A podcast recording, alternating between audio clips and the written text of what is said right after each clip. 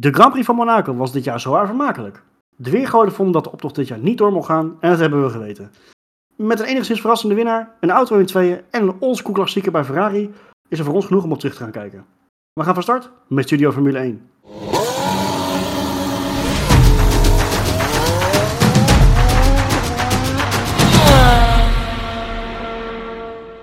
Nou Super Sunday zit erop. Misschien toch wel de mooiste dag van het jaar, als, als je het mij vraagt. De afloop van Super Sunday gaan we het zo meteen even over hebben, want die was niet al te best voor eh, de Nederlandse fans. Maar schwa. Monaco is, uh, is altijd een beetje, een beetje dubbel gevoel. Het is een race die je eigenlijk niet wil missen, die je niet kan missen, omdat het wel een echt een klassieker is. Maar qua race laat het vaak de wens over. Voordat we echt op de race gaan terugkijken, wil ik even met jullie even weten hoe jullie erover denken over een aantal zaken die uh, naar voren zijn gekomen vanuit de FOM. Tenminste, niet publiekelijk, maar dat is, dat is in ieder geval de geruchten die, die gaan. Voor, de, nou, voor jullie, maar ook voor de luisteraars en kijkers die het niet hebben meegekregen.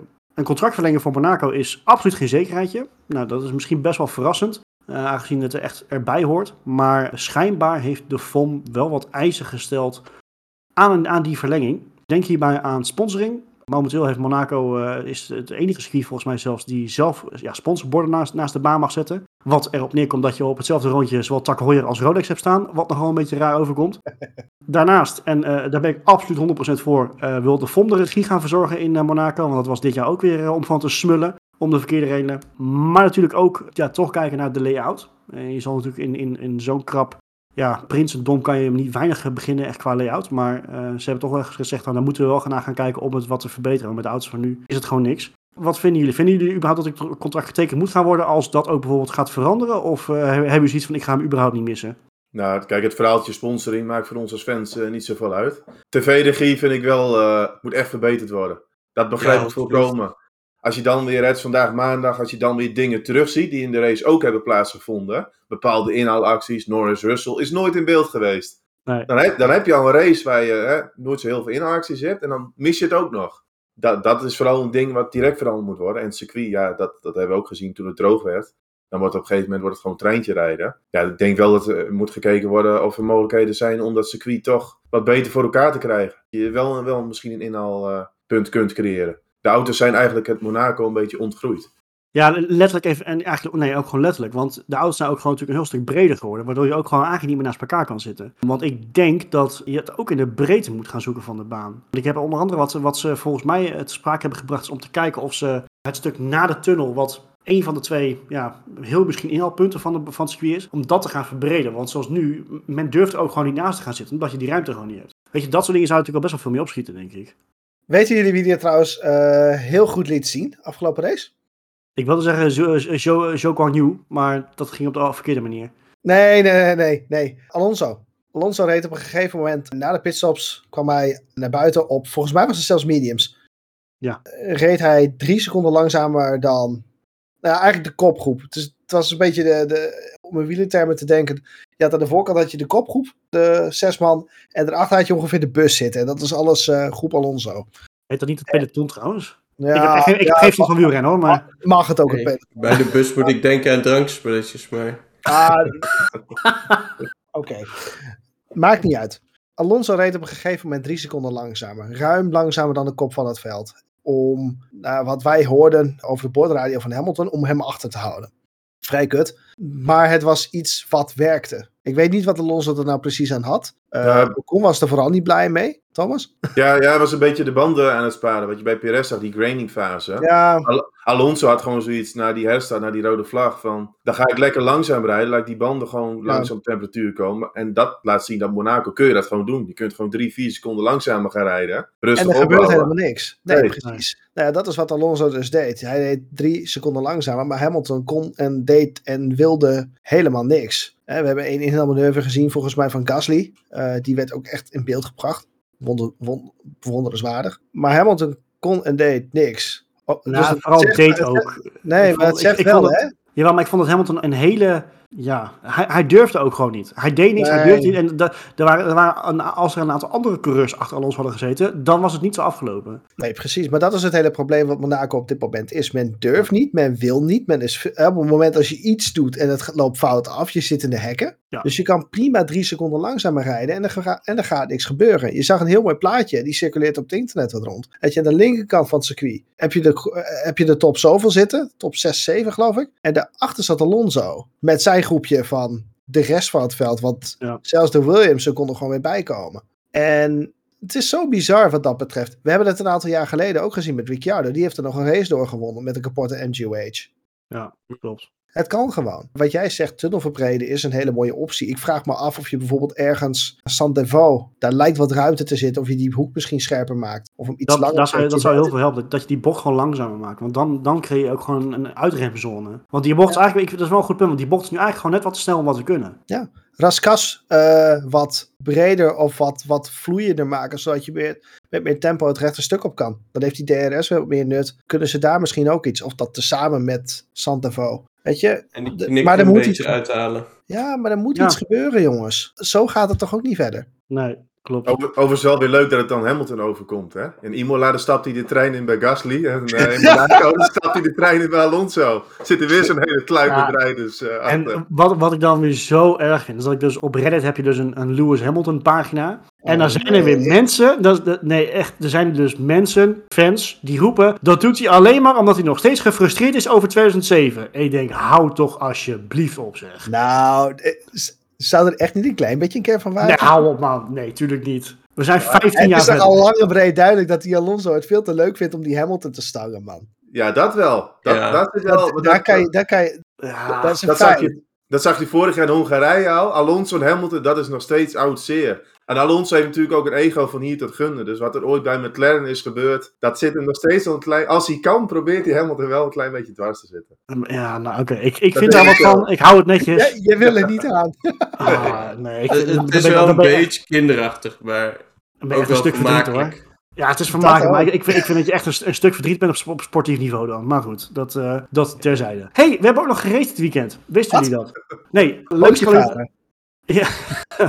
leukste kwalificatiesessie van het jaar. Belangrijkste kwalificatiesessie van het jaar in ieder geval. Ook met deze auto. Dat vond ik trouwens nog wel heel bijzonder. Dat, want er was namelijk, ook wij hebben natuurlijk al in, de eerdere uitzending al gezegd, dat de auto's van dit jaar vooral in de langzame bochten eh, ja, langzamer zijn. Ja, snelle bochten met het grondeffect viel op zich wel mee. Maar eh, over het algemeen was eh, de pole van Leclerc, en dan hebben het nog over zijn eerste ronde in Q3, eh, aangezien hij zijn tweede weer niet af kon maken, nu niet door zichzelf, was hij maar iets van een halve seconde volgens mij langzamer dan vorig jaar. En dat verschil vond ik echt heel erg klein. Had ik ook niet verwacht trouwens. Dat is ook wel een kort circuit met een korte tijd, of eh, met, met, een- met een lage rondetijd. Hè? Dus die verschillen Zeker. zijn dan ook iets kleiner. Zeker, maar goed, het is wel een circuit met bijna alleen maar langzame bochten. En daarin Ja. was, echt, was echt de verwachting dat daarin het verschil gemaakt zou worden met de auto's van vorig jaar. Maar dat valt dus heel erg mee. Tenminste, dat viel heel, heel erg mee. Ja, er waren wel twee factoren. De, de banden die waren qua grip beter dan voorheen. En er was ook een stuk opnieuw geasfalteerd. Wat ook al eh, een stukje helpt. Oké. En wat ook nog kan helpen is omdat je weet van het is allemaal langzame bochten, heb je je hele setup daar ook voor afgesteld. In plaats van een mix van langzame en snelle bochten. Ja, dat is ook zo. Ja, dat is wel zo inderdaad, ja. Ja, nou goed. Zwaar, het, het was gewoon een detail waar mij opviel. Toch wel weer, net als vorig jaar, anticlimax in Q3. Sergio Perez die eh, net even wat te hard de tunnel in wilde. En eh, volgens Carlos Sainz, die, eh, ik, ik blijf erbij, die niet op tijd reageerde op de gele vlag. Of in ieder geval de lampen. En weg, Nee. Nee, Nee. Nee, nee, nee, nee.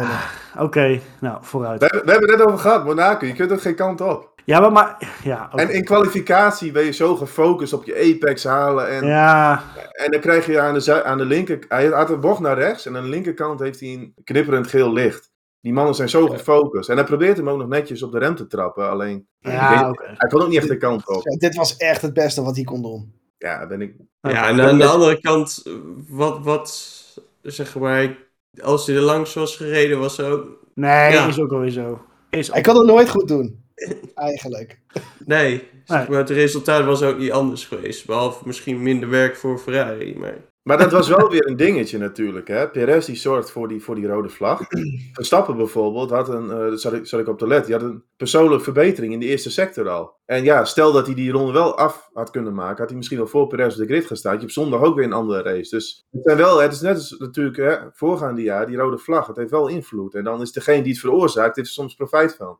Blijft een beetje, ja, wrang op die manier, vind ik zelf. Ja, hebben we natuurlijk vorig jaar ook over gehad, hè, van hè, misschien uh, toch rondetijd gewoon afnemen of zo in, in zo'n situatie. Maar ja, weet je, dat, dat is allemaal, uh, allemaal koffie. Ja, een paar weken geleden nog. Een paar weken geleden, nou, zo, ja, ze heeft gelijk, sorry. Nee, maar kijk, eh, weet je, het feit dat dit, dit gebeurt, het is echt gewoon jammer dat het net als vorig jaar weer in de, in de tweede run van Q3 gebeurt. Ik vond op zich de, de kwalificatiesessie als zich vond ik nog redelijk kalm, hè, over het geheel gezien. Geen, geen rare momenten, gewoon uh, ja, een beetje normaal, behalve Les Stroll die in uh, Q1 echt als een, als een baby over de boordradio tekeer ging. Ik, nou ja. Thomas, wil jij daar nog iets over zeggen? Ja, dat, dat, was, dat was echt weer zoiets. Ik ben al niet zo gecharmeerd van die hele familie Stroll en uh, het gebeurde bij Aston Martin. Dan zie je echt weer dat het een verwend kind is die een hele makkelijke opvoeding gehad heeft, denk ik. Het is echt, uh, ik vind het gewoon een slap, Janus. Q1 en dan eruit en dan zo'n boordradio. Dan denk ik, man, man, man. Wat een ja. mentaliteit heeft hij ook. Het was echt een baby op de boordradio. Ja, klopt. Maar goed, toch alweer Leclerc op pol. Dit keer dus niet met een, een, een gebroken aandrijfas. Dus hè, hij had zijn pech in Monaco al gehad uh, twee weken geleden. Hij stond op pol. Ging, ging het dan eindelijk toch echt gebeuren? Gaat hij winnen in Monaco? Spoiler, dat deed hij niet. Komen we zo op. Maar we hebben natuurlijk geboden uh, naar uh, richting de weergoden. Want eigenlijk de enige ja, mogelijkheid tot een leuke race was regen. Er was natuurlijk al regen voorspeld. Marco, jij zei natuurlijk vorige week in je rubriek al van hè, de, de waskans op regen. Het was wel op het laatste moment. Echt op het laatste moment trouwens. Maar het kwam er toch uiteindelijk wel. Ja, en hoe, absoluut. Ja, en... Ik kan me nog herinneren, begin van de race zeg jij, ik snap niet waarom ze deze race stilleggen. Nee, aan het begin snapte ik echt niet dat ze hem uitstelden. Echt aan het, de, bij de eerste keer delay, die snapte ik echt niet. Ja, maar daar schijnt dus nog een heel verhaal over te zijn, hè? Klopt. Kan jij hem toelichten? Vraag ik me dan af. Ik kan hem toelichten. Er leek een stroomprobleem te zijn ergens ja. met de lampen of de, de, de, startlichten. Waardoor het linksom of rechtsom blijkbaar niet mogelijk was geweest om onder de lichten te starten. Heel bijzonder, nog nooit voorgekomen geloof ik. In ieder geval niet wat ik weet in uh, recent memory om het zo te zeggen. En wat dat betreft kwam eigenlijk misschien dit weer wel op het juiste moment. Want daardoor leek het minder gek om achter de safety car te starten. Ja, kijk, natuurlijk wel op, op het moment die plensbui kwam, dat, uh, dat sloeg echt alles. Weet je, dat, dat, ja, dat ze da, dan niet doorgingen, dat was echt gewoon zwemmen, uh, letterlijk zwemmen. Maar voor mij had het ook nog een beetje te maken met het feit dat teams dan nog de tijd kregen om de juiste banden te kiezen. Omdat het allemaal zo last minute was. En ze moeten natuurlijk zoveel minuten voordat het startsignaal wordt gegeven eigenlijk, moeten zij de bandenkeuze hebben gemaakt. Dus wat dat betreft snap ik het ook wel weer. Hè, achteraf gezien dan. Maar gisteren was ik inderdaad behoorlijk zag ja, van uh, man, man. Op een gegeven moment komt er een moment dat de wedstrijdleiding zegt deze race is considered wet. En dan, als dat nog voor de, echt het startsignaal of voor de Formation Lab gedaan wordt, dan wordt die vrijgegeven en dan mogen ze een nieuwe bandenkeuze maken. En dat is ook hetzelfde moment dat ze zeggen, oh, de, het bandenreglement gaat eraf. Klopt. Ja, dat, dat was de start van, van drie uur. Hè. Toen werd die uitgesteld en toen kreeg je ook nog die technische problemen erbij. En het ja. was al band, bandenchaos. Dus ja. er waren allerlei factoren. Maar ja, toen je zat te kijken, dacht ik ook wel van: kom, we kunnen ook wel een keer iets gaan proberen. En ik vind het achteraf wel jammer dat we helemaal geen staande start uh, hebben gezien. Ja. Nu begreep nee, ik naar, naar, de rode vlag van Schumacher wel. Toen had je op een gegeven moment hè, die droge lijn. En naast die droge lijn was het nat. Dan had je een dusdanig voordeel gehad voor de mensen die op een droge lijn hadden gehad. Die kon ik wel, wel vinden. Maar ja, wel jammer dat we alleen maar safety car starts hebben. Ja, maar ja. om daarop even op aan te haken. Omdat dat uh, startsysteem dus niet functioneerde had je dus ook die rollende start als alternatief, want het systeem functioneerde niet. Ja, de, direct vanaf het begin direct de rollende start ja. proberen door. Ja. Ja. Ja, wat dat betreft, hè, ik weet niet, zeiden we dat gisteren nog van. Eigenlijk zouden die regels, volgens mij zei jij het Thomas, die regels die moeten eigenlijk gewoon vastgelegd worden hoe je moet herstarten. Maar nu blijkt eigenlijk wel dat omdat je zulke bijzondere situaties hebt, hè, zoals wat, wat je net ook zegt, je hebt één droge lijn en je hebt een natte lijn en je gaat dan een staande start doen.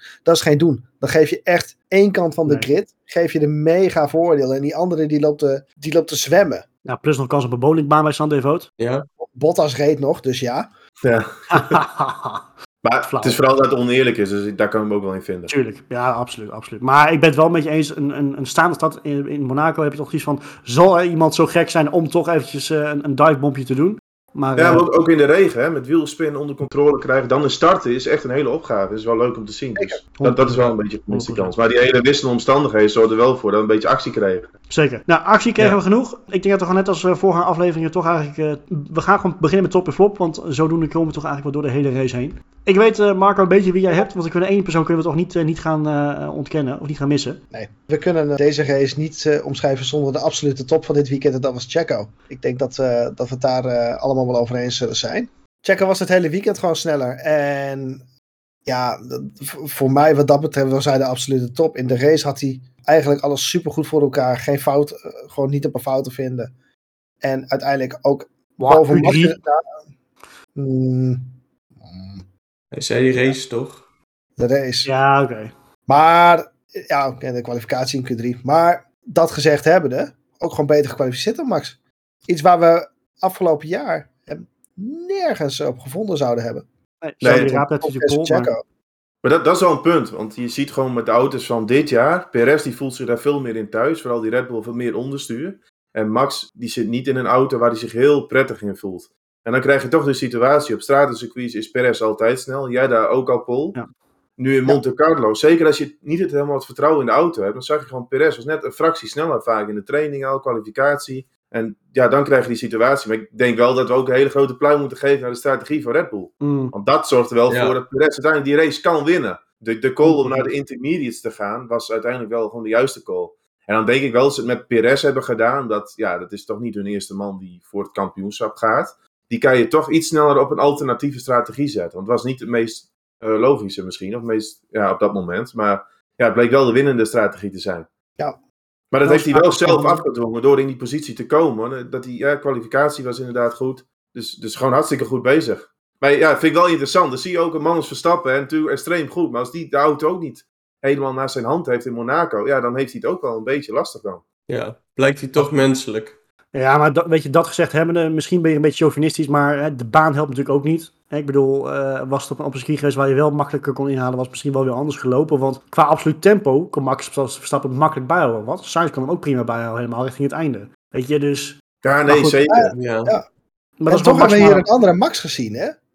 Normaal gesproken zal zou een Max hier nog wel eens een keer een divebombje proberen. 100%, ja. Heel- Hè? Rijdt voor Leclerc, niks, geen extra punten meer nodig, loopt uit een kampioenschap. That's it.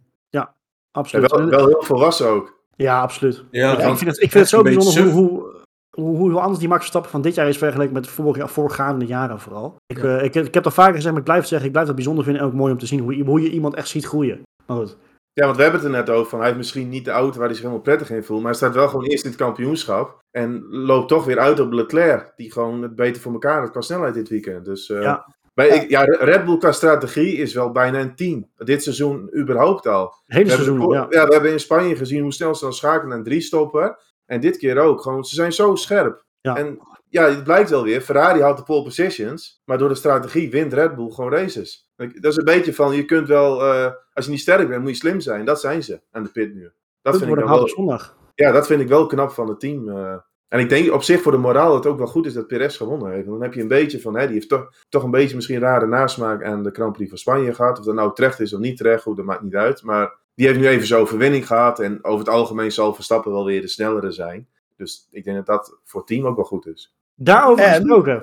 Ik weet niet of wij hetzelfde nu willen gaan roepen. Eh, Voordat, ik denk ze, het wel. voordat ze die, die, eh, die, die, die ruimte inliepen met, eh, met die Horner. Chris, gooi jij hem erin. Gooi jij hem erin. Oh, nee, ik heb denk ik wat anders dan. Oh, jij bent alles. Nou ja, kom jij eerst maar. Dan gaan Roy en ik daarna wel volgen. Voor de mensen die het hebben gemist. eh, of wil, wil jij hem eerst doen, Chris? Sorry. Gooi jij hem eerst, Chris. Eh, nee, ga maar verder. Ik, eh, Oh. Voor de mensen die hem hebben gemist thuis. Vlak voordat eh, ze die, die Red Room heet dat volgens mij, eh, dat eh, die, die afkoelruimte zeg maar inliepen, zei Perez tegen Christian Horner, eh, even in het Nederlands dan, eh, ah, ik heb eh, te vroeg bijgetekend of niet? Op live televisie, tegen je teambaas. Ik, nou, ik vraag me af wat daar dan precies achter zit, want het is best wel vroeg in het seizoen om dat te gaan beslissen, lijkt mij ook. Maar was dat ook niet naar de Grand Prix van Spanje? Vond ik het al opvallend. Van, oh, daar praten we na de race wel even over. Was het meer van zo, je hebt je taak goed volbracht. En eh, weet je, dit is gewoon een contract voor volgend jaar. Dat zit er ook wel weer in. Dat idee kreeg ik, kreeg ik al wel eerder. Ja, Hmm. misschien wel. Het, het is te obvious. In de interviews naar de hand was het ook super ongemakkelijk. Dit, dit is nu al het slechtst bewaarde geheim van de hele crit. Ja, Het is wel on- Dat echt is- onprofessioneel. Ik vind het ook echt onprofessioneel in elk geval. Dan moet je toch, dat, je, je weet dat de camera's op je, op, achter je lopen. Ja. Dat, ja. Maakt het nog Ja, heel dat is niet uit. het juiste moment om het daarover te hebben. Ik vind het ook wel mooi. Zie je een beetje puur. Ja, eh, wat tuurlijk. Ik vind het iemand schitterend. doet. En ik denk dat het ook niet zo'n zo'n groot ding is. En als je dan gewoon kijkt naar al die teams, hoe ze functioneren, dan functioneert Red Bull op het moment ook het beste. Ja, en waarom, zou je dat gaan veranderen? Best wel grappig. Hè? We hebben natuurlijk vorig jaar hè, in onze eindejaars eh, aflevering hebben we natuurlijk gehad hè, over, de, over de beste team, of het beste team, zeg maar, qua, qua rijderspaar. En, niemand van ons dacht aan Red Bull. eh, in de verste verte niet. Maar dit seizoen hebben ze die kroon echt wel overgenomen van Ferrari. Want bij Ferrari is het verschil juist des te groter geworden. Hè, dus eh, het is inderdaad precies wat je zegt. Qua coureurs, qua team, qua strategie. is het, alles hebben ze gewoon goed voor elkaar. Dus, Ja. wow.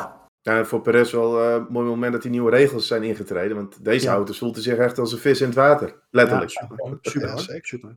Ja, absoluut. Maar Chris, jij had ook nog wat. Ja, ja waar ik eh, op wilde aanhaken was dat we natuurlijk niet volgende week bij die week erop naar Baku gaan. Ah, ja. Goeie En dat is ook een baan die hem wel heel goed ligt. Hij heeft vorig jaar natuurlijk gewonnen. En is ook straatcircuit. Dus ik ben benieuwd hoe we daar zeg maar de meting eh, gaan zien tussen Verstappen en, eh en Checo. Ja, Ja, maar hij verschil is natuurlijk wel. Baku kan je een stuk beter racen dan, wat dat betreft. Dus hè, eh, dat is natuurlijk Ja. nog even aankijken hoe het loopt. Maar eens, 100% eens. Ja, En ik vond het ook wel leuk voor Perez, want Jeddah heeft natuurlijk heel veel pech gehad met de safety car. En misschien had hij Monaco ook hè, hè, daar een beetje geluk, want Sainz die kwam natuurlijk de pits uit op, op zijn slicks en die kwam achter de Williams terecht. Ja, was dat niet gebeurd, dan denk ik eerlijk gezegd niet dat Perez hem had gewonnen. Maar zo zie je van, hè, soms heb je wat geluk in het seizoen. En soms zit ik er tegen in, in Jeddah had Perez dikke pech. En nu had hij misschien Ja. een klein gelukje met eh het feit dat Sainz eh, vast kwam te zitten toen hij naar Maar ja, weet je, Perez en stratencircuits, die, eh die neemt zijn eh, grote, veel te grote Mexicaanse cojones mee. En die is niet bang voor muurtjes. Dat is het denk ik een beetje. ja, ja. maar dat, dat, dat was uh, Pastor Maldonado ook niet. En die hing hem er ook vaak, vaak genoeg in. Weet je? Eh, ja, het, het, het, het zegt niks. En, ja. en het hoeft niet aan te gaan, maar hij is je er niet bang voor. Nee, zeker En, weten. Zeker en hij rijdt iets beter. Ja, absoluut. maar goed, het was een, race met eh, eh, toch wel opvallend veel flops. Dus ik ben benieuwd eh, waar, eh, waar jij mee bent gekomen voor deze. Ja, ik ga met de flop die eigenlijk inhaakt op mijn eh, top 3 van vorige week. Moet je ons even helpen herinneren? En de kijkers en luisteraars. top 3 vorige week was. eh, het was op zich. Ja, het was nog niet eens een hele gekke, geloof ik. Bottas, team van Alfa eh, Romeo. in elk geval op 3. Ik had Russell als winnaar trouwens. Die overigens gewoon weer een goed weekend had. Nee, maar Bottas. En dat zat hem voornamelijk in eh, de verwachting dat Alfa Romeo een goede auto zou hebben voor Monaco. Omdat ze juist enorm sterk waren in sector 3 van Barcelona. Mhm. Nou bleek dat alles behalve waar te zijn. Zo, ja. En waren die Alfa Romeo's echt nergens te vinden. En vooral Joe niet, trouwens. Nu had Nou- Joe, eh, mo- moest echt de hele vrijdag moest hij ongeveer missen. Klopt. Bottas ook trouwens. Die heeft ook Oh, ja, ook eh, nog. een deel nog gemist. En, maar ze waren ook nergens te vinden. En, dat- en tuurlijk, dat wordt geholpen door een slecht start van het weekend. Dat, dat gaat je niet helpen. Zeker in de afstelling niet. Al denk ik dat je op een Monaco, waar we inmiddels eh, een slordige paar duizend jaar rijden, dat je daar in ieder geval nog genoeg data voor zal hebben. Maar ze waren nergens te vinden. Joe die was aan het zwabberen, letterlijk. Ja. Ja. Die, die, stond, die stond meer in het hoekje van, eh van San Devo dan dat hij daar op het circuit reed. Eh, maar Alfa Romeo had het niet voor elkaar. Het was echt een dramatische race voor hem waarin ze heel veel meer gehoopt hadden. En door echt de experts ook echt gezien werden, en dan heb ik het niet over ons, als, als grote kanshebbers voor veel punten. Ja, maar Ja. Het, het was een, een combinatie tussen de verwachtingen, maar ook wat er daadwerkelijk gebeurde hè, door alle omstandigheden. Want kijk, als je, van, als je van tevoren al had verwacht dat ze er niet zouden bij, bij zouden staan, had je ze nu niet genoemd, denk ik. Jawel, Oh, oké. ik denk het wel, want ze waren echt helemaal nergens dit weekend. Bottas heeft ja. ja, twee punten gepakt. Bottas heeft uiteindelijk wel punten gepakt. Ja, meer op strategie. Maar het. Het is ook meer dat dat- ze in andere races zaten ze er gewoon beter bij. En als je naar de data keek, waren ze in langzame bochten, excelleerden ze juist. Waren ze zelfs in, in Catalonië, als je gewoon echt de langzame bochten bestudeerde, waren ze de snelste. Alleen wat dan denk ik ook een rol speelt, is in Monaco, dat zag je ook wel qua vering. Op vrijdag zag je een aantal auto's gigantisch stuiteren. Dan mis je die vrijdag. En dat is dan best wel cruciaal, want dan mis je al qua afstelling ja, toch je dag al. En dan loop je achter de feiten aan. Je mist je ritme. Dus ik denk al met al dat het toch wel invloed heeft gehad. Dus zeker in het middenveld, als die paar tienden mist, dan sta je er net wel bij of net niet. En ik denk ook wel dat je bij die topteams hebben natuurlijk de beste simulatoren en dat soort zaken. Die zullen qua setup een betere basis hebben dan een team als Alfa Romeo. Maar ik denk dat ze met het pakket wat ze hebben hier veel meer uit hadden kunnen halen. Ja, absoluut. Ja, waarschijnlijk wel. Nou, een goeie. Top. Uh, nee, flop. Mag ook. Ja, wat, wat je wil, wat je wil. Is, je had uh, volgens mij wel wat moeite met een, een top vinden. Is het inmiddels gelukt? Ja. ja, en ik heb mezelf uh, makkelijk gemaakt. Want uh, ik heb namelijk gewoon even mijn top van vorige week hergebruikt. namelijk Russell. Toch weer een mooie P5 gepakt. En ja, gewoon eigenlijk weer super steady brots in de rand. Of brots in de randing, heel goed. Heel goed. Rots in de branding voor Mercedes. En toch weer goede punten meegenomen voor zijn P5. Als, het is eruit te bizar als het, als het zo doortrekt. Als Mercedes op een gegeven moment een auto wel voor elkaar heeft. Dat Russell de titelkandidaat wordt en niet Hamilton. Ja. Ik, ik, ik kan er nog steeds niet bij met mijn hoofd. Ik, ik vind het heel raar. Maar... Hij mag wel een nieuwe bijnaam krijgen trouwens. Mr. Consistency. Mr. Consistency, ja. Dit is uh, weer, weer in die top 5. Dat blijft toch wel heel knap hoor. Tja, ja, absoluut.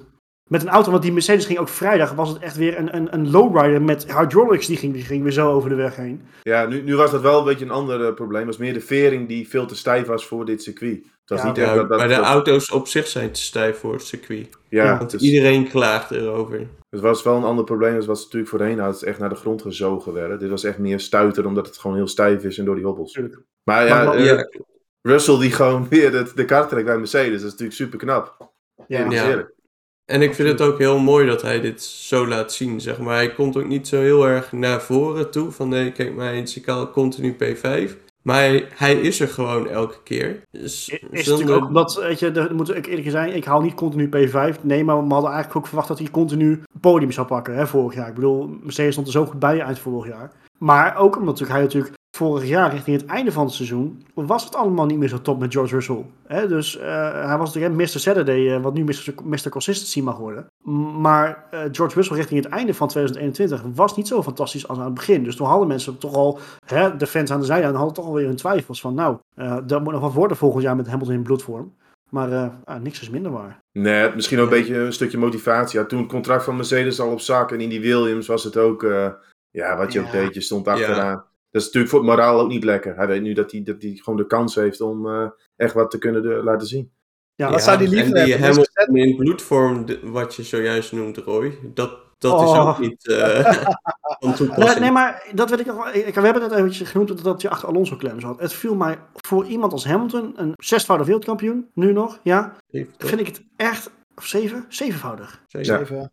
Zeven. Goedemorgen, Roy. Ah, ik heb, eh, eh, sorry, ik, ik was, eh, nee, ik dacht aan, ik wil eerst zeggen achtvoudig wereldkampioen, maar toen dacht ik aan Marc Marquez van de MotoGP. Dat is ook weer een heel andere tak van sport. Maar goed. Ja.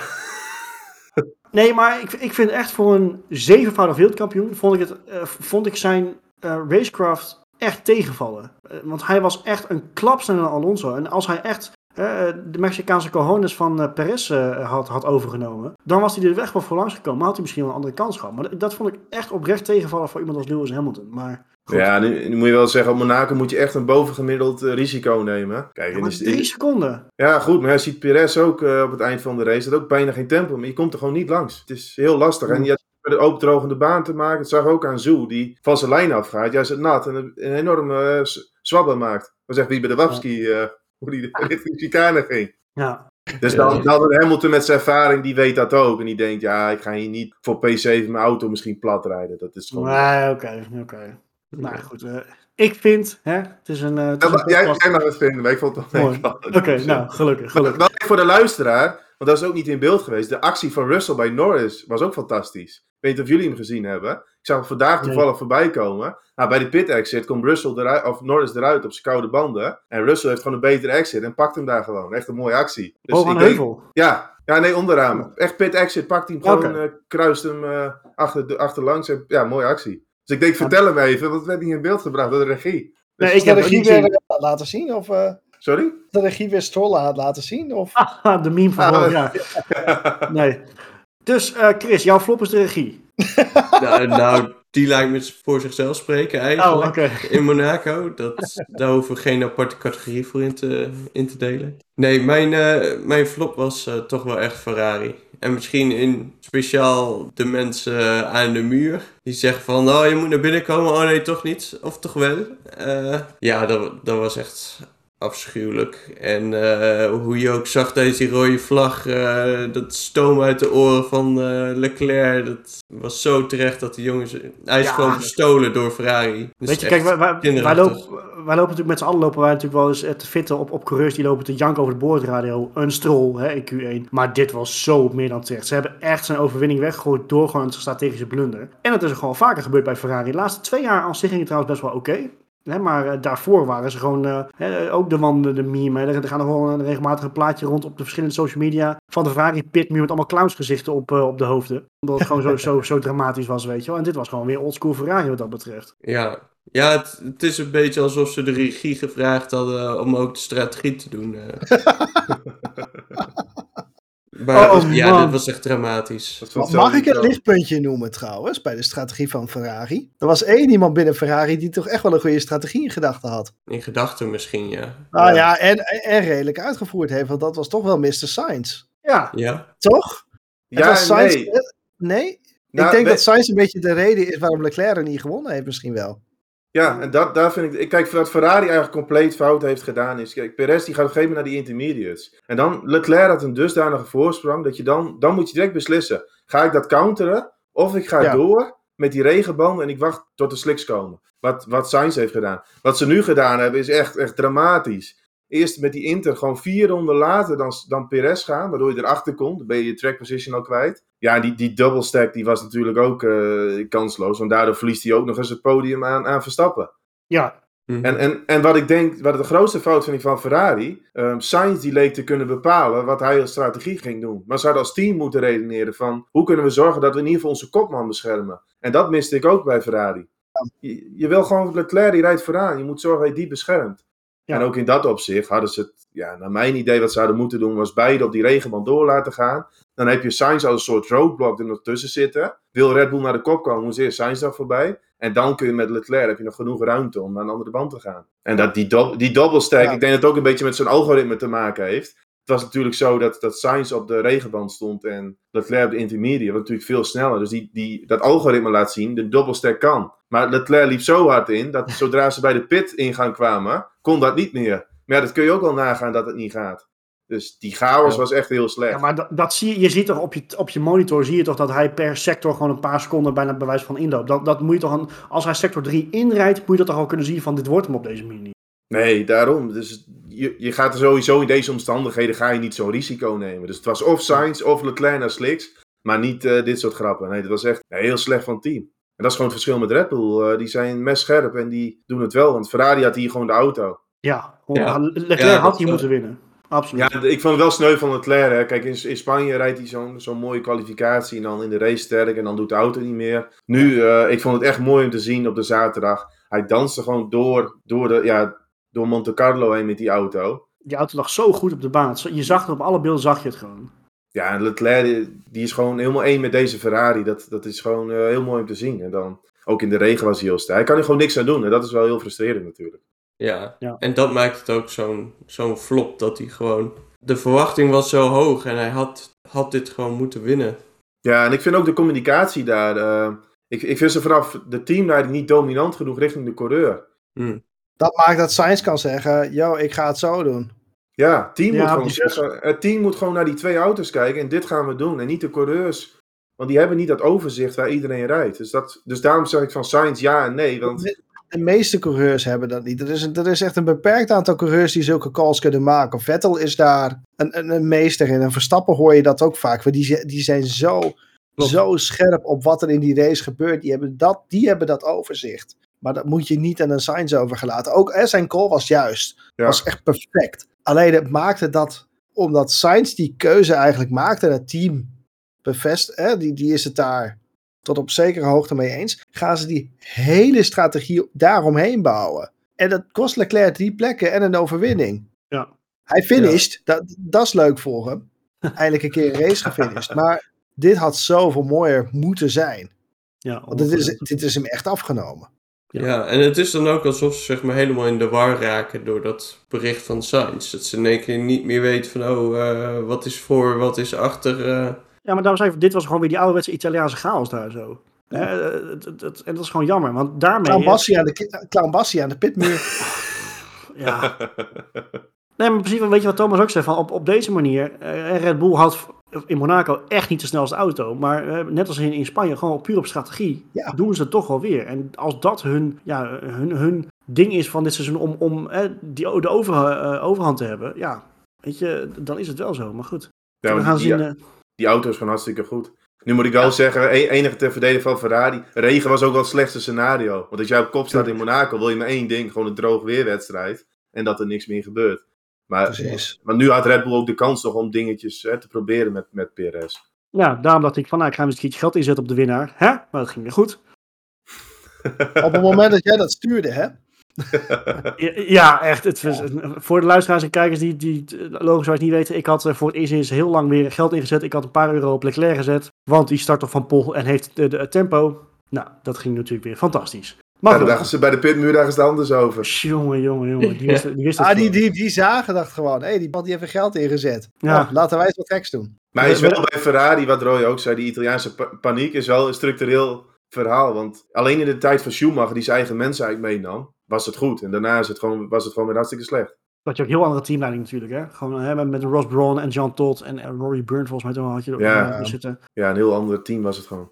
Ja, maar goed. Dankjewel Chris. Ik pak hem even over omdat mijn top is misschien wel de eerste keer dit seizoen dat ieder geval een top buiten de top 10 vandaan komt. Oh. Namelijk onze vriend Pierre Gasly.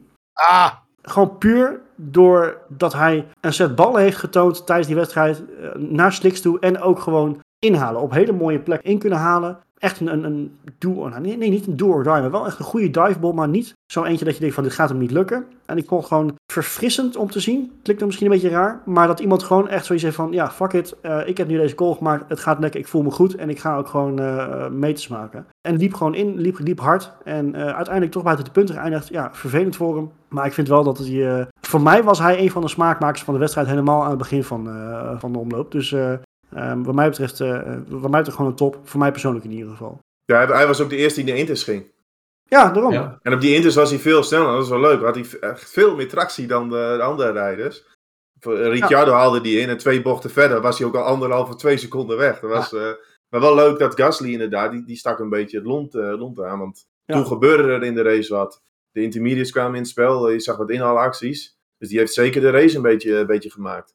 Ja, zeker weten. Zeker weten. Wel jammer dat, dat hij eh, bij Alfa Tauri er niet echt uitkomt zoals afgelopen jaren. Want hij was natuurlijk echt, hij droeg het team, maar het Tsunoda wordt gewoon sterker. En bij Gasly, ik weet niet, het, het gaat niet meer zo... ik heb een beetje het idee dat hij daar klaar is. Ja, mis- ja. Ja. misschien wel. Maar ja, goed, ik denk, dus- ik denk nog steeds dat hij naar McLaren gaat. Dat dit jaar is of volgend jaar. Maar die- want zijn deur naar Red Bull is gewoon dicht. Zeker als Perez natuurlijk. eh, die blijft gewoon. Dus voor Ja. Gasly is überhaupt het Red Bull eh, concern denk ik een beetje aflopend eh, verhaal. Ja, denk ik wel. Denk ik wel. Als we nog heel even terugkomen op Perez Sainz. Leuk was natuurlijk aan Gasly. Die had veel meer grip, ook veel meer tractie. Eh Perez zijn voorbanden gingen eraan. Alleen dan zag je ook alweer, als je je voorbanden ja, niet, niet in goede staat hebt, maar je achterband nog wel, dan heb je nog wel steeds de tractie richting die, die tunnel en die chicane om het te verdedigen. En dat Ja. was natuurlijk... Sainz die kon ook geen actie in, een beetje hetzelfde als Hamilton. Maar dat was ook ja, omdat Perez constant met eh, zijn achterband nog wel in goede staat had. Ja. Dan nog even een heel klein zijspoortje meer. Gewoon even een vraag. Ik ben heel benieuwd hoe jullie erover denken. Als het droog was gebleven en een beetje warm was gebleven, was het dan, denken jullie, alsnog een éénstop gebleven? Want iedereen zegt natuurlijk het was een éénstop, maar die banden gingen er volgens mij toch harder aan dan ze van tevoren hadden verwacht. Was een beetje mijn idee. Ja, was, was denk ik wel een eenstap. Want eh, wat, je, wat je nu hebt met opdrogende banen, is dat het rubber op een gegeven moment gaat het van die korreltjes vormen. En dan krijg je echt zo'n graining fase. Wat Ja. Alonso bijvoorbeeld heeft gedaan, Marco ook al zei, van, eh, die begon zijn stint heel rustig. En later ging die versnellen, omdat je dan die banden weer in een goed window hebt. Dan heb je ook niet die graining. En bij een droog weerwedstrijd had je natuurlijk vooraan had je de, het tempo kunnen controleren. Dus dat was denk ik wel een eenstap geworden. Omdat je kunt gewoon je tempo controleren. was Ja, misschien wel een klein, klein schoonheidsfoutje van Perez dan. Om gelijk van Kiet af aan eh, toch hard met die banden om te gaan. En toen gingen ze, ja, zijn voorbanden gingen er nog wel aardig aan. Maakte nog Ja. wel wat spannend op het eind. Zeker. ja. Mijn flop is wel echt helemaal achterin te vinden. Dan heb ik het echt over, eigenlijk gewoon over het complete team van Williams. Alexander Albon was nergens te vinden dit weekend. Ik weet niet of hij zijn rode haren had, maar het hielp dit, dit keer in ieder geval niet. Nicolas Latifi die moet weer naar racecursus, want die weet niet wat blauwe vlaggen betekenen. Albon trouwens ook niet, want die heeft Leclerc gewoon, uh, weet ik hoeveel, hoe lang opgehouden heb ik gezien. Uh, tempo was ze, ze zeggen dat hij, dat hij Leclerc nog steeds aan het ophouden is. Ja, hou op man. het, het, het, tempo was het niet. Een strategische blunts, smaakte echt strategische kosten. Ik van waarom haal je die nu in godsnaam naar binnen? Ja. Ik, ik, ik, ja, ik snap hier echt, echt de ballen van. Ze hebben een paar zulke goede races gehad. Vooral Albon in ieder geval. Maar dit, dit, dit, nee, dit, sloeg in mijn ogen helemaal nergens op. Was nergens voor nodig. Nee. Maar goed. Uh... Ik denk dat ze een beetje hun hand vergokt hebben deze race. Natuurlijk, dat kan. Maar de afgelopen paar keren uh, heeft het goed uitgepakt om, uh, nou ja, de dobbelstenen te rollen en wat geks te doen. Een beetje uit op. En nu gewoon niet. Nee. Echt totaal niet. Zeg maar, ondanks al onze rode haren, maar... Uh... Maar het verhaaltje blauwe vlaggen vind ik wel een kwalijke zaak, ook van de wedstrijdleider. Had 100% de straf voor moeten volgen. Ja. Uh, Albon heeft, Albon heeft gewoon een hele ronde voor het klaar gereden met allemaal blauwe vlaggen. Ik denk een stuk of twaalf uh, blauwe vlaggen heeft die man gehad. Ja, dan, moet je, dan moet je gewoon een penalty vergeven. Wat, wat ik wel lastig vind, uh, op een circuit als Monaco, als je ook iets op, op een natte baan met slicks, iets offline gaat, ben je gewoon de sjaak, hang je in een muur. Zou dat daar nog iets mee te maken gehad hebben? Nou, dat is denk ik ook de reden. Je wil met die slicks, wil die droge lijn blijven. als je op natte gaat. Maar alsnog vind ik... Alsnog vind ik als je, ja, een blauwe vlag is gewoon een regel. Je moet naar drie moet je gewoon aan de kant. En Want er is eigenlijk maar één plek waar ze hem dan opzij kunnen zetten. Dat is in de tunnel. Ja, maar je kunt ook in die chicane kun je gewoon de uitloopstrook op. En dan ja. ik, vond het absoluut niet netjes van Williams hoe dat uh, gegaan is. Nee, nee, absoluut niet. En Sainz was daar ook best wel uh, pist over na de, na de race. En dat begrijp ik wel. Als je de beelden terugziet, vind ik het zeker niet uh, netjes. Overigens, Latifi was ook wel grappig. Die ging in de formatieronde al, uh, al de muur in. En toen zei hij van, ik kan niet insturen. Maar als je de herhaling terugziet, dan zie je gewoon dat hij met zijn linker voorwiel op de witte lijn zit. Ja, dan krijg je onderstuur. Dat was weer zo'n actie dat je ook denkt van, oh, oh, oh. Ik hoop echt dat die geruchten waar zijn dat ze het geld van Latifi niet meer nodig hebben. Want die man die moet echt zo snel mogelijk gewieberd worden. Ik bedoel, uh, ja. Uh, ik was Olaf Mol, die zei in het racecafé, zei die, uh, en ik weet, Olaf Mol die kan af en toe een beetje hatelijk uit, uit, uit, de, om de hoek komen. Maar die zei op een gegeven moment heel geschikt van, we hebben hier de 18 beste coureurs ter wereld hebben we rondrijden. En daar bedoelde je dus Latifi en Stroll dus, dus bij, dat ze dat die er niet bij horen. Nou, weet je, kan je over discussiëren. Maar Latifi heeft, heeft zijn tijd gegeven, heeft het team gewoon mooi, mooi in leven kunnen houden. Maar qua prestaties uh, brengt hij helemaal niks met zich mee. Dus uh, als dat echt klopt dat ze financieel gezond zijn bij Williams, dan hoop ik dat ze andere keuzes gaan maken. Ja, maar, maar goed, er zit een partij, een partij die winst wil maken. Ja. En als jij uh, de inkomen van een Latifi krijgt, dan vind ik dat prima, denk ik. Ja, ja. Inkomen van sponsors is ook belangrijk. Ja, ja, dat dus. Ja, maar nu heb je natuurlijk die garantie van dat, dat geld. Dus ik, ik denk niet dat daar zo snel iets verandert. Oh, zo moet ik zeggen, Latifi vond ik bijvoorbeeld vorig jaar best wel aardig rijden. Ja. Uh, Hongarije volgens mij zesde, wel met wat maar toen reed hij ook in moeilijke omstandigheden prima wedstrijden. He, geen, geen toptalent, maar wel degelijk vond ik hem nog, van Petra. Ik vind hem, ik vind hem haast lijken op een Mazepen begin vorig jaar. Nou ja, maar wat je denkt... Het is een beetje alsof hij helemaal niks met deze auto kan. Ja, nou, ja niet dat, meer dat punt wil ik dus direct maken. Je ziet dus in dit veld best wel een aantal rijders die meer moeite hebben met deze, deze auto's. Dat verandert ook wel. Het valt nu vooral op omdat de verschillen opeens anders liggen vorig jaar kon je heel duidelijk zien dat een PRS bijvoorbeeld helemaal niet met die auto kon rijden. Van die, die van Red Bull. En nu zie je compleet andere verhoudingen. De TV kan er helemaal geen donder meer van.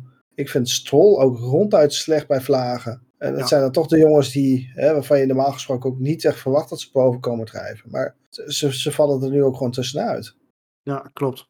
Zonde. Ik vind een Hamilton nog steeds bij vlagen vrij matig. Nou, wel bij vlagen. Kijk, weet je, kijk, zoals ja. Latifi en Stroll is eigenlijk wat je zegt, het hele seizoen al helemaal niet best. En Hamilton heeft af en toe echt nog hele goede dagen. En Spanje was gewoon fantastisch wat hij daar deed. Ja, ja, Hè, dus uh, dat, dat kan er nog. Maar dat is net wel zo. Het is, het is toch een compleet ander concept wat je moet beheersen. En daarin komen de talenten toch wel bovendrijven, blijkbaar. Maar, ja, dat lijkt wel op, ja. Dat niet zozeer, maar dat geeft ook wel aan dat rijders gewoon een bepaalde voorkeur hebben. En dan is het best wel lastig om je aan te passen. We zien het bij Red Bull dat, dat een PRS ineens bij vlagen Verstappen wel qua snelheid kan volgen. Ja, Verstappen die, die voelt zich ook niet helemaal lekker met dit soort auto's. Nou goed, dat is natuurlijk uh, een enorm talent. Die zelfs in een auto waar hij zich niet helemaal thuis voelt, komt hij nog uit de voeten en staat hij, staat hij eerste. Maar dat is ook wat ze voor, uh, voor het seizoen al een beetje gezegd. Van het, het rijden lijkt meer op een beetje, op, het staat wat vlakker de auto, een beetje meer op een Formule 2 auto. En dan zie je ook wel, in Norris zie je heel goed doen, en Russell zie je het goed doen. Vettel die met een stabielere auto beter uit de verf komt. En mannen als Latifi en Stroll, ja, dat waren al niet de beste rijders. Komen die in een auto die ze niet liggen, ja, dan wordt het helemaal een ramp. En dat Ja, zie je een beetje. Ja, heel goed punt, zeker. zeker. Maar goed, tot zover eh, lopen zeiken over Williams. Thomas, zo scherp als altijd, sluit hem af met jouw top en flop. Ja, mijn, mijn top en flop zitten binnen hetzelfde team. Oh, eh, en ik zie Marco, die eh voor Ja. de kijkers op YouTube, die heeft een grote McLaren-vlag. Ja, Ja, want daar is het contrast ook echt heel groot. Ik vind Lando. Norris, Ja. Lando Norris vind ik echt fantastisch. Die zet hem gewoon in de kwalificatie met die McLaren weer op de vijfde plek neer. Niet, nog niet eens- ziek als de. Ja, had- ziek. Maar, maar ook ehm, het verschil met de Red Bulls was dan niet eens zo groot. En die, die man doet het gewoon echt fantastisch. Die haalt het maximaal uit zijn materiaal, draagt het team, is zo goed bezig. Kijk, en als je dan een Hamilton een beetje ziet struggelen. Ik denk als Mercedes op een gegeven moment de plek van Hamilton wil vullen. Nou, er is één man die daar, die daar voor een aanmerking komt. Dat is Lando Norris. oeh, ja. Maar Norris heeft een heel lang, ja, maar Norris heeft een hele lange verbindenis ook bij McLaren. Hè? Daar, daar Ja. is hij opgegroeid. Ik, Eh, Ja, maar goed, een rijder wil ook prijzen winnen. En eh, ja, dat zijn drie teams die over het algemeen wel een beetje de dienst uitmaken. Ja. Dit is gewoon wat hij nu laat zien met die McLaren, is gewoon het maximale. En ik, ik vind het echt heel knap. En ik zou hem heel graag gewoon in een topauto willen zien. Ja. Want ik denk niet dat het... Denk je dat, het, dat dat die materiaal is om een wereldkampioenschap te winnen in, in de, tussen de huidige top drie? Nou, ik denk niet dat hij heel ver van een... Ja, ik denk niet dat hij ver bij een Russell, Leclerc, Verstappen vandaan zit qua niveau. Dus Ik denk het ook niet. Nou, weet je wat we vorige week over hebben gehad? Zijn racecraft. Hoe hij een race indeelt. Hoe hij een race rijdt. ja. Weet je, dat, dat is gewoon zo goed voor zo, nog steeds een hele jonge coureur natuurlijk. Hè? Ik bedoel, hij is nog steeds redelijk onervaren. Eh, hartstikke jong. Nog heel veel ruimte voor verbetering. Wow. En, en hij heeft in de afgelopen, met name de afgelopen twee jaar, heeft hij zo'n bak aan, aan groei laten zien. Dat is echt insane. Mhm. Ik denk dat hij eh, op de grid de, de, de, de snelst en de meest groeiende coureur is die er op dit moment rondrijdt. Ja. Ja, Ik heb ja ook niet maar hij heeft nog wel dat zijn, het- hij heeft nog wel zijn schoonheidsfouten. En Ja, Daar dat, moet hij dat, nog dat had wel op twee letten. jaar geleden ook nog. ja, ja, ja, en Norris gaat er ook wel komen. Daar, daar heb ik absoluut geen twijfel in. Maar ik weet niet, af en toe is het nog een beetje gokken met hem. Waar hij terecht komt. Formule 1 is natuurlijk wel een klein beetje de, de juiste man op de juiste plek zijn natuurlijk. Ja. Eh, dat ha- eh, er zijn, er zijn genoeg coureurs waarvan we inmiddels weten dat ze al veel meer wereldkampioenschappen hadden kunnen halen en moeten halen. Alonso bijvoorbeeld. ja. Of eh, eh, Thomas de Flop, denk ik. Of Thomas de Vlot, inderdaad. Nou ja, als hij binnen hetzelfde team zit, de teamleiding vond ik prima. Dus dan ga, nee, maar dat, dat maakt extra knap voor Ricciardo, van Norris. Maar mijn flop is, is eh, Daniel Ricciardo. Alweer. Dat is, ja, alweer. ehm, voor hem geldt denk ik ook een beetje, ook met deze auto's, voelt hij zich niet thuis. Want de man was altijd heel erg snel in, eh, in Monaco. Je zag op een gegeven moment, zag je op zaterdag het lijstje pole positions. Had hij er gewoon twee met de Red Bull. En ook volgens mij naast Verstappen eh, een keer. Dus Ja. dat hij snel is op Monaco, heeft hij wel bewezen. Maar wordt gewoon totaal weggereden. Echt gênant. Op gênante manier wordt hij aan de kant Ja. gezet door Norris. Zeg wat over Norris en zeg wat over Ricciardo, denk ik. ja. Ja, we moeten toch eventjes, eh, denk ik, toch even stilstaan bij de, de comments van, aangegeven uit Zack Brown zelf, hè, de teambaas van McLaren. Ricciardo heeft contract tot eind volgend jaar. Maar Zack Brown heeft gewoon in de media, open en bloot in de media toegegeven van, ja, er zitten wel wat ontsnappingsclausules zitten erin. Mocht het dus niet helemaal naar wens gaan. Nou, het gaat zeker niet naar wens. Dus, eh, weet je, 1 plus 1 is Understatement. understatement. De, weet je, 1 plus 1 is 2. Dus daar kan je toch wel van, een beetje van uitgaan dat. Er toch Ricciardo's laatste seizoen bij in ieder geval McLaren zal zijn. En daarna, waar gewoon in vrees naar naartoe moeten. En Ricciardo heeft het zelf al uitgesproken, hè? Ja, ook. Oh, wat... eh, Nou ja, Ricciardo heeft na vorige race volgens mij ook nog eens een keer ergens voor een camera geroepen dat, eh, dat er echt wel eens even goede gesprekken moeten plaatsvinden over hoe het volgend jaar gaat. ja. Ja, Ja, en of, of hij dan doelt over wat voor een auto er dan moet komen of wat dan ook, of dat het dan weer ergens anders over gaat, dat weet ik dan natuurlijk niet. Maar het lijkt wel allemaal in dezelfde richting te, eh, te wijzen. Ja, ik denk wel dat eh, Ricciardo gewoon exit is volgend jaar. En Hij dat kan er nergens heen. Hij kan nergens heen. Nee, nee, hij kan nergens heen. Dus ik denk dat hij het Ik, ik weet wel waar buiten hij naartoe kan. Ja, jij zegt naar Indy. Ik, nou, ja. Maar we hebben een paar weken geleden natuurlijk even gehad over, over een eh, wisseling van de wacht binnen teams. Is ook wel een soort van wisseling van de wacht binnen een team. Die, die je misschien niet dit jaar misschien niet plaats zal zien vinden, maar misschien volgend jaar met Pedro Award. Bijna Ja. Indy voelde gisteren. Ja, het zou kunnen. Ja, Ik zie, het zie is dat- misschien een beetje ver gegrepen, maar ik zie een Ricciardo bijvoorbeeld wel naar, naar een IndyCar gaan of naar een Ja, NASCAR. ik dus niet. Ja, ik wel. Dat, dat Amerika NASCAR Zo misschien wel Zo trouwens. ligt bij het hart. Maar ik zie toch, dan toch naar de, naar de supercars gaan in Australië of zo. Weet je, toch een beetje bij zijn roots. eh, maar ja, weet je, dat is allemaal verdient, goed voor verdient kijken. te weinig. Ja, Ricciardo eh, is, wel, is wel een showman. Die houdt van aandacht, dingen wat groots is. Dus ik zie hem ook zeker in die 500. Want Ja. dat, dat was hij altijd wel. Het was wel echt een leuke man voor de camera. Soms Ja, ja, ja. had ik wel... Hij is Ik commercieel heel aantrekkelijk. Ja, dus, en zeker, hij houdt wel ook wel van aandacht hoor. Het is wel een aandachtsgeil mannetje, Ricciardo. Dat is, en dan, eh, dan ga je eerder naar Amerika dan dat je in Australië nog eh, gaat rondrijden. Ik denk, ik denk zelfs dat als een Ricciardo naar, naar een IndyCar gaat, dat dat enorm veel fans gaat trekken voor IndyCar. Enorm veel bekijks. Ja, zie De, Ja, de grote. Ricciardo. En hij kan het beter volgend jaar doen dan nog twee jaar bij McLaren eh, weglopen. Want dat hij zijn marktwaarde verliest. Ja, maar Ja, het- nou- je, ziet- je ziet het natuurlijk ook bij Grosjean. Weet je, de IndyCar is gewoon aan het groeien. Ja. Gisteren een record aantal mensen op de, op de bühne bij, bij de Indy 500. Ja, waarvan de helft ongeveer voor een podium stond. ja. Dus weet je, ja. Maar wat het vervelende gewoon is, hij is nog steeds een van de best verdienende coureurs ook. Van het veld. Ja, ook nog. Hij verdient Ja. gewoon meer dan Lando Norris en wordt ieder weekend eh, op een hoop gereden. Dat maakt het van McLaren. En dan zo Zack Brown ook. Ik denk dat hij van binnen echt denkt van, oh, wat hebben wij een slechte deal gemaakt toen. Nou ja, het feit dat die Zack Brown dat, dat soort dingen ook openlijk zegt. Die is aan het koken van binnen, joh. Dat wil je niet geloven. Ja, maar is je duurste medewerker.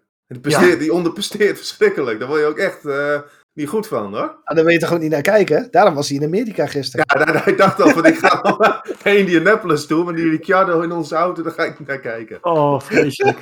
oh, pijnlijk.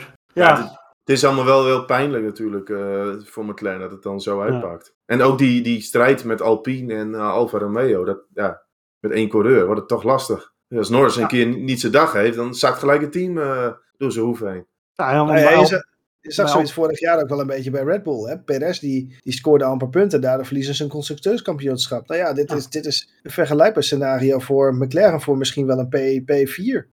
Nou, ook, Ja. omdat, en ook in hun geval, dus, hè, hun concurrent Alpine heeft wel gewoon twee coureurs die gewoon continu eh, eh, eh, gewoon echt goed bijstaan. Wie had dat een paar jaar geleden verwacht van Ocon? Maar dan moeten ze geen penalties pakken. Zo, Nee. Want Ocon die kreeg toch weer 5 seconden. Nu, heb ik, nu zijn er twee momenten met Hamilton. Eentje is bij bocht 1. Daar vond ik Hamilton overdreven op de boordradio. Maar hij wordt op een ander moment op rechte stuk bij, volgens mij bijna de muur ingedrukt. Dat vond ik wel een moment dat ik dacht, hm, dat was wel gevaarlijk hoor. ja. Dus, Oké. maar ja, daar kun je, kan je over discussiëren of dat een, dat een penalty was. Maar ik had Ah. overigens echt een hele lading flops. Want ik denk wel een aantal momenten. Een van de momenten ook in de race natuurlijk. Mick Schumacher. Die weer een auto kort en klein eh, rijdt. In Ja, tweeën rijdt. Ja, ja, Ja. Was weer eh, ronduit teleurstellend eh, dit weekend. Ach, dat is we, hebben- wel, we, eh, we hebben wel eh, de duurste kruiwagen gezien ter wereld. Ik bedoel, eh, die- Maar dat beeld zag er wel eh, angstig uit. Je ziet live, zie je in één keer zo'n achteraas en een paar wielen en een vleugel. Je Ik- denkt ik van had- waar ik is Mick Schumacher gebleven? ik, ik had direct flashbacks naar Bahrein 2020. Eh, Dat meen ik Ja. serieus. Ja, ik denk die ligt nu op een boot. Op een jacht ligt hij nu. Dacht ik. Nee, maar dat, dat, we zeiden het gisteren ook tegen elkaar al. Van, ik, ik vind nog steeds, op het moment dat een auto met in verhouding zo weinig kracht zo uit elkaar valt, dat kan volgens mij niet de bedoeling zijn. Het kan ook stukje Eh, veiligheid zijn om, om, om de kracht eruit te halen. Maar Ja, het is juist de bedoeling. Juist sinds vorig jaar, of eigenlijk sinds de crash van een andere haasrijder, je noemde hem net al, is, is het juist bedacht om ervoor te zorgen dat die auto's zo snel mogelijk breken. Juist om zoveel mogelijk kracht zo, snel mogelijk uit die auto te halen. Ja, maar op deze manier ga je wel eh, een extra veel eh, ja, onderdelen, maar dan ook echt gewoon één grote... veiligheid boven alles. Ja, maar op het moment dat hij was gespind en eh, die achterkant bleef op de baan liggen, omdat hij dus directe kracht had weggenomen, en dan komt er volgens een auto komt op die achterkant inrijden, weet je, het lijkt me ook niet heel handig dat er Ja, gewoon een... zo bedoel je. Ja. Yes, ja. Maar weet je, dat is eh, misschien een discussie nog voor een andere keer. Maar die, die, dat, daar had ik wel mijn vraagtekens bij van... Oeh, moest dat wel eh, zo makkelijk gebeuren? Want dit was wel... Zo hard was die klap dus eigenlijk helemaal niet. Eh, het klinkt misschien een beetje cru, maar... eh, Nee, maar eh, Mick Schumacher met zijn fouten, dat wordt ook een dure grap. Hè? Budget cap heb je Ja. mee te maken. Nou, dan hoor je teams nu klagen van, over de inflatie. Nou, dan rijdt, rijdt zo'n man weer, het, is gewoon, het was gewoon weer een rijdersfout hoor. Als je, als je het terugziet, dan zit daar gewoon iets van de lijn af. Ja, Schu- Schumacher heeft zijn officiële eerste waarschuwing gehad daar, hè? Van het team. Of, Van het team, ja. Ja, ja, hij heeft inderdaad van eh, Steiner wel op de... Die heeft hem wel op de vingers getikt eh, voor die grap. ja, ja, Schumacher ook het, eh, natuurlijk het talent. En als je zo wordt overlopen door Magnussen en je rijdt auto's plat, staat gewoon nog op nul punten met een auto die best redelijk is. Dat is echt een pijnlijke situatie. Nou ja, Ja. dat. Ik denk trouwens dat zijn moeder inmiddels ook weer twee keer tien jaar ouder geworden is dit jaar. Oh, Zo. jezus. Zo. Middags. Eerst, eerst eh, Saudi-Arabië natuurlijk inderdaad al. Man, man, man. Mooi, mooi, mooi, mooi, mooi. Maar het, weet je, het is gewoon. En ik hoop, ik hoop vooral. Kijk, weet je, het is allemaal een prachtig verhaal. De naam Schumacher terug in, in de Formule 1. Helemaal in de situatie waar zijn vader nu in zit. De beste coureur altijd en misschien wel. In ieder geval de meest succesvolle. Maar ook niet meer trouwens. Eh, maakt niet uit. Maar dit, dit, kan je, dit kan je niet te lang volhouden om maar die naam in de Formule 1 te houden. Weet je, dat is heel snel. Maar op een gegeven moment moet je ook gewoon die knoop doorhakken. Van, hij is niet zijn vader. Eh, hij kan best hard auto rijden, maar niet bij ons.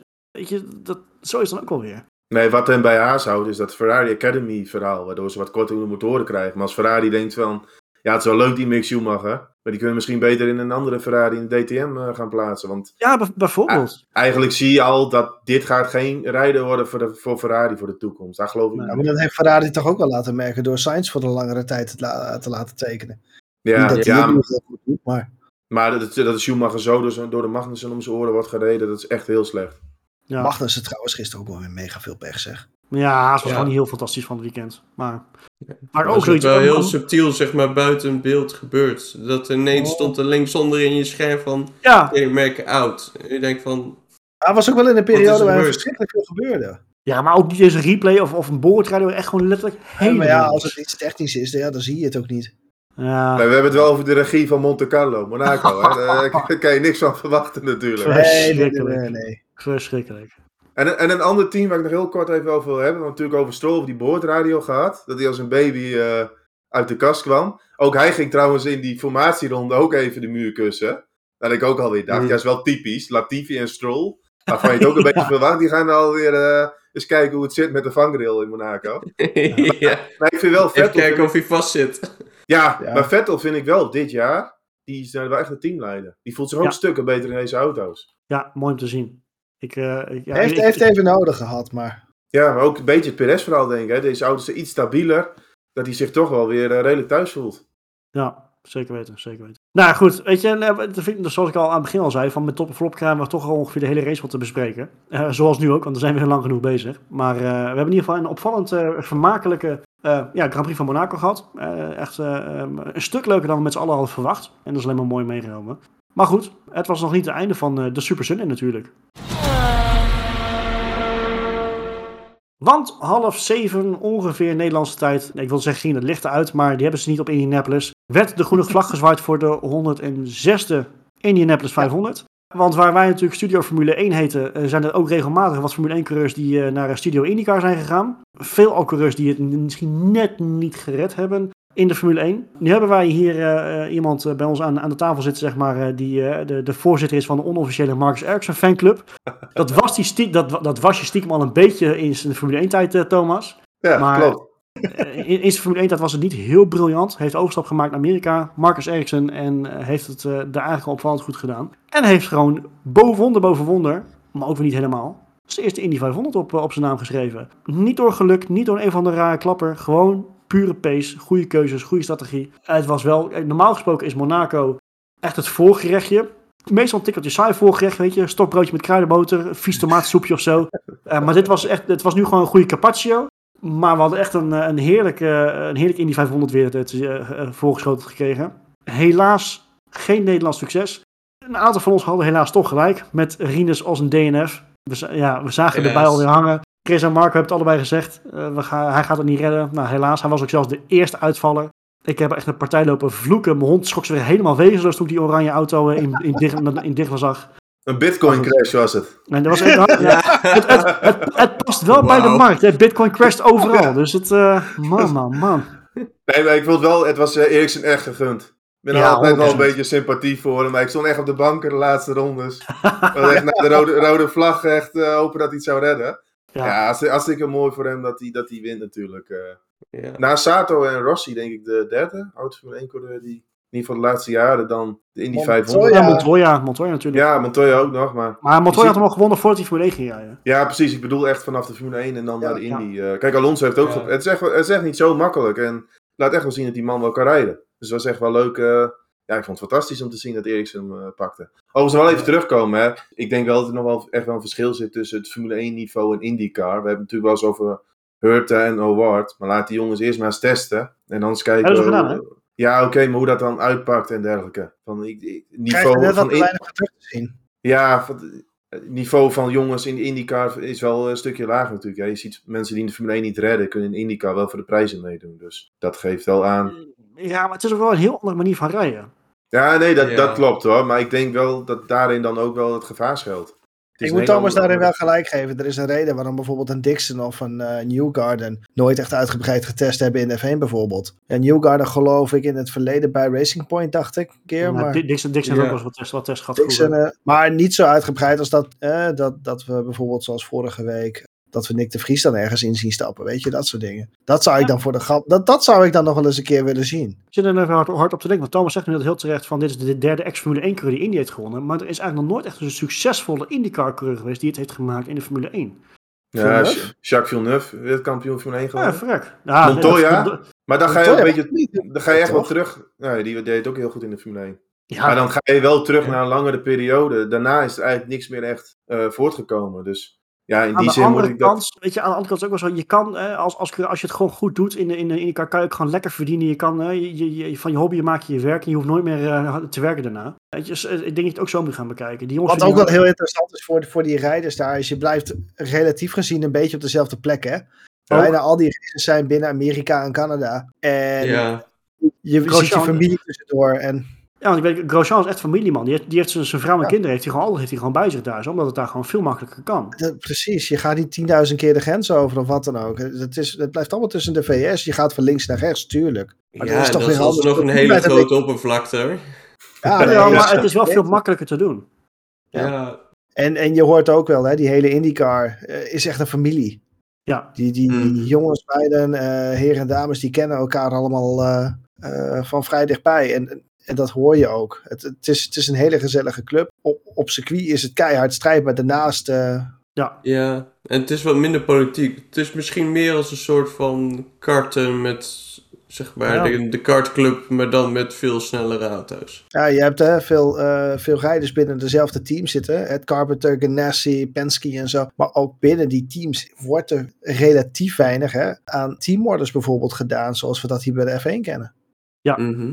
Zeker weten. En, Dus en het het wel- verschil in materiaal is natuurlijk ook veel, veel kleiner daar. Je hebt wel teams die er een beetje uitspringen. Maar je kan daar met een, met een minder team gewoon veel makkelijker iets gaan presteren. Ja, Ja. zeker weten, zeker weten. Maar goed, weet je, allemaal we hebben gewoon een prachtig weekend achter de rug. Eh, ook natuurlijk de 24 uur van de Nürburgring die eh, in de laatste uren nog beslist moest worden. Met ook weer typisch Nürburgring weer, met half nat, half droog. Ook daar dus gelukkig wel Nederlands succes. Onze halve Belg trouwens is het ook wel een beetje. eh, Robin Vrijs heeft natuurlijk daar eh, de overwinning op zijn naam kunnen schrijven. Um, dus dat je al met al gewoon een, prachtig weekend eh, gehad voor, voor de oudsportliefhebber. Ik denk dat het voor ons nou ook echt wel tijd is om te gaan af te gaan ronden. We hebben natuurlijk een lang weekend gehad, dus ook een lange uitzending. Ik wil zeggen excuses ervoor, maar helemaal niet. We hebben gewoon een mooi weekend gehad. Maar we gaan het toch nog even vragen. Zijn er nog nabranders voor, voor nu? Nou, dat ik wel blij ben dat er volgende week geen Formule 1 is. Want ik, ik heb zondag zoveel race, racerij gezien. eh. En jij, jij sliep pas om vijf uur s'nachts. ja, ik heb ook de NASCAR de Coca-Cola 600. Die over 630 mijl uiteindelijk was. Dat duurde Ah, details. Oh, 18 safety cars. Daar gebeurt echt eh, 18. heel 18 stuk. jongen, jongen, jongen. Daarom werd het zo lang in zit. Dus eh, nee, op zich... het is open daar. eh. Ja. ja, maar goed, als de auto's over elkaar heen rollen, dan wordt het wel een lang verhaal, eh, uiteraard. Nee, maar goed, eh, het was een super mooie zondag, veel racerijen. En dan, Ja. ja. Absoluut. Meer, meer van dit alstublieft, maar eh volgende weekend eventjes niet.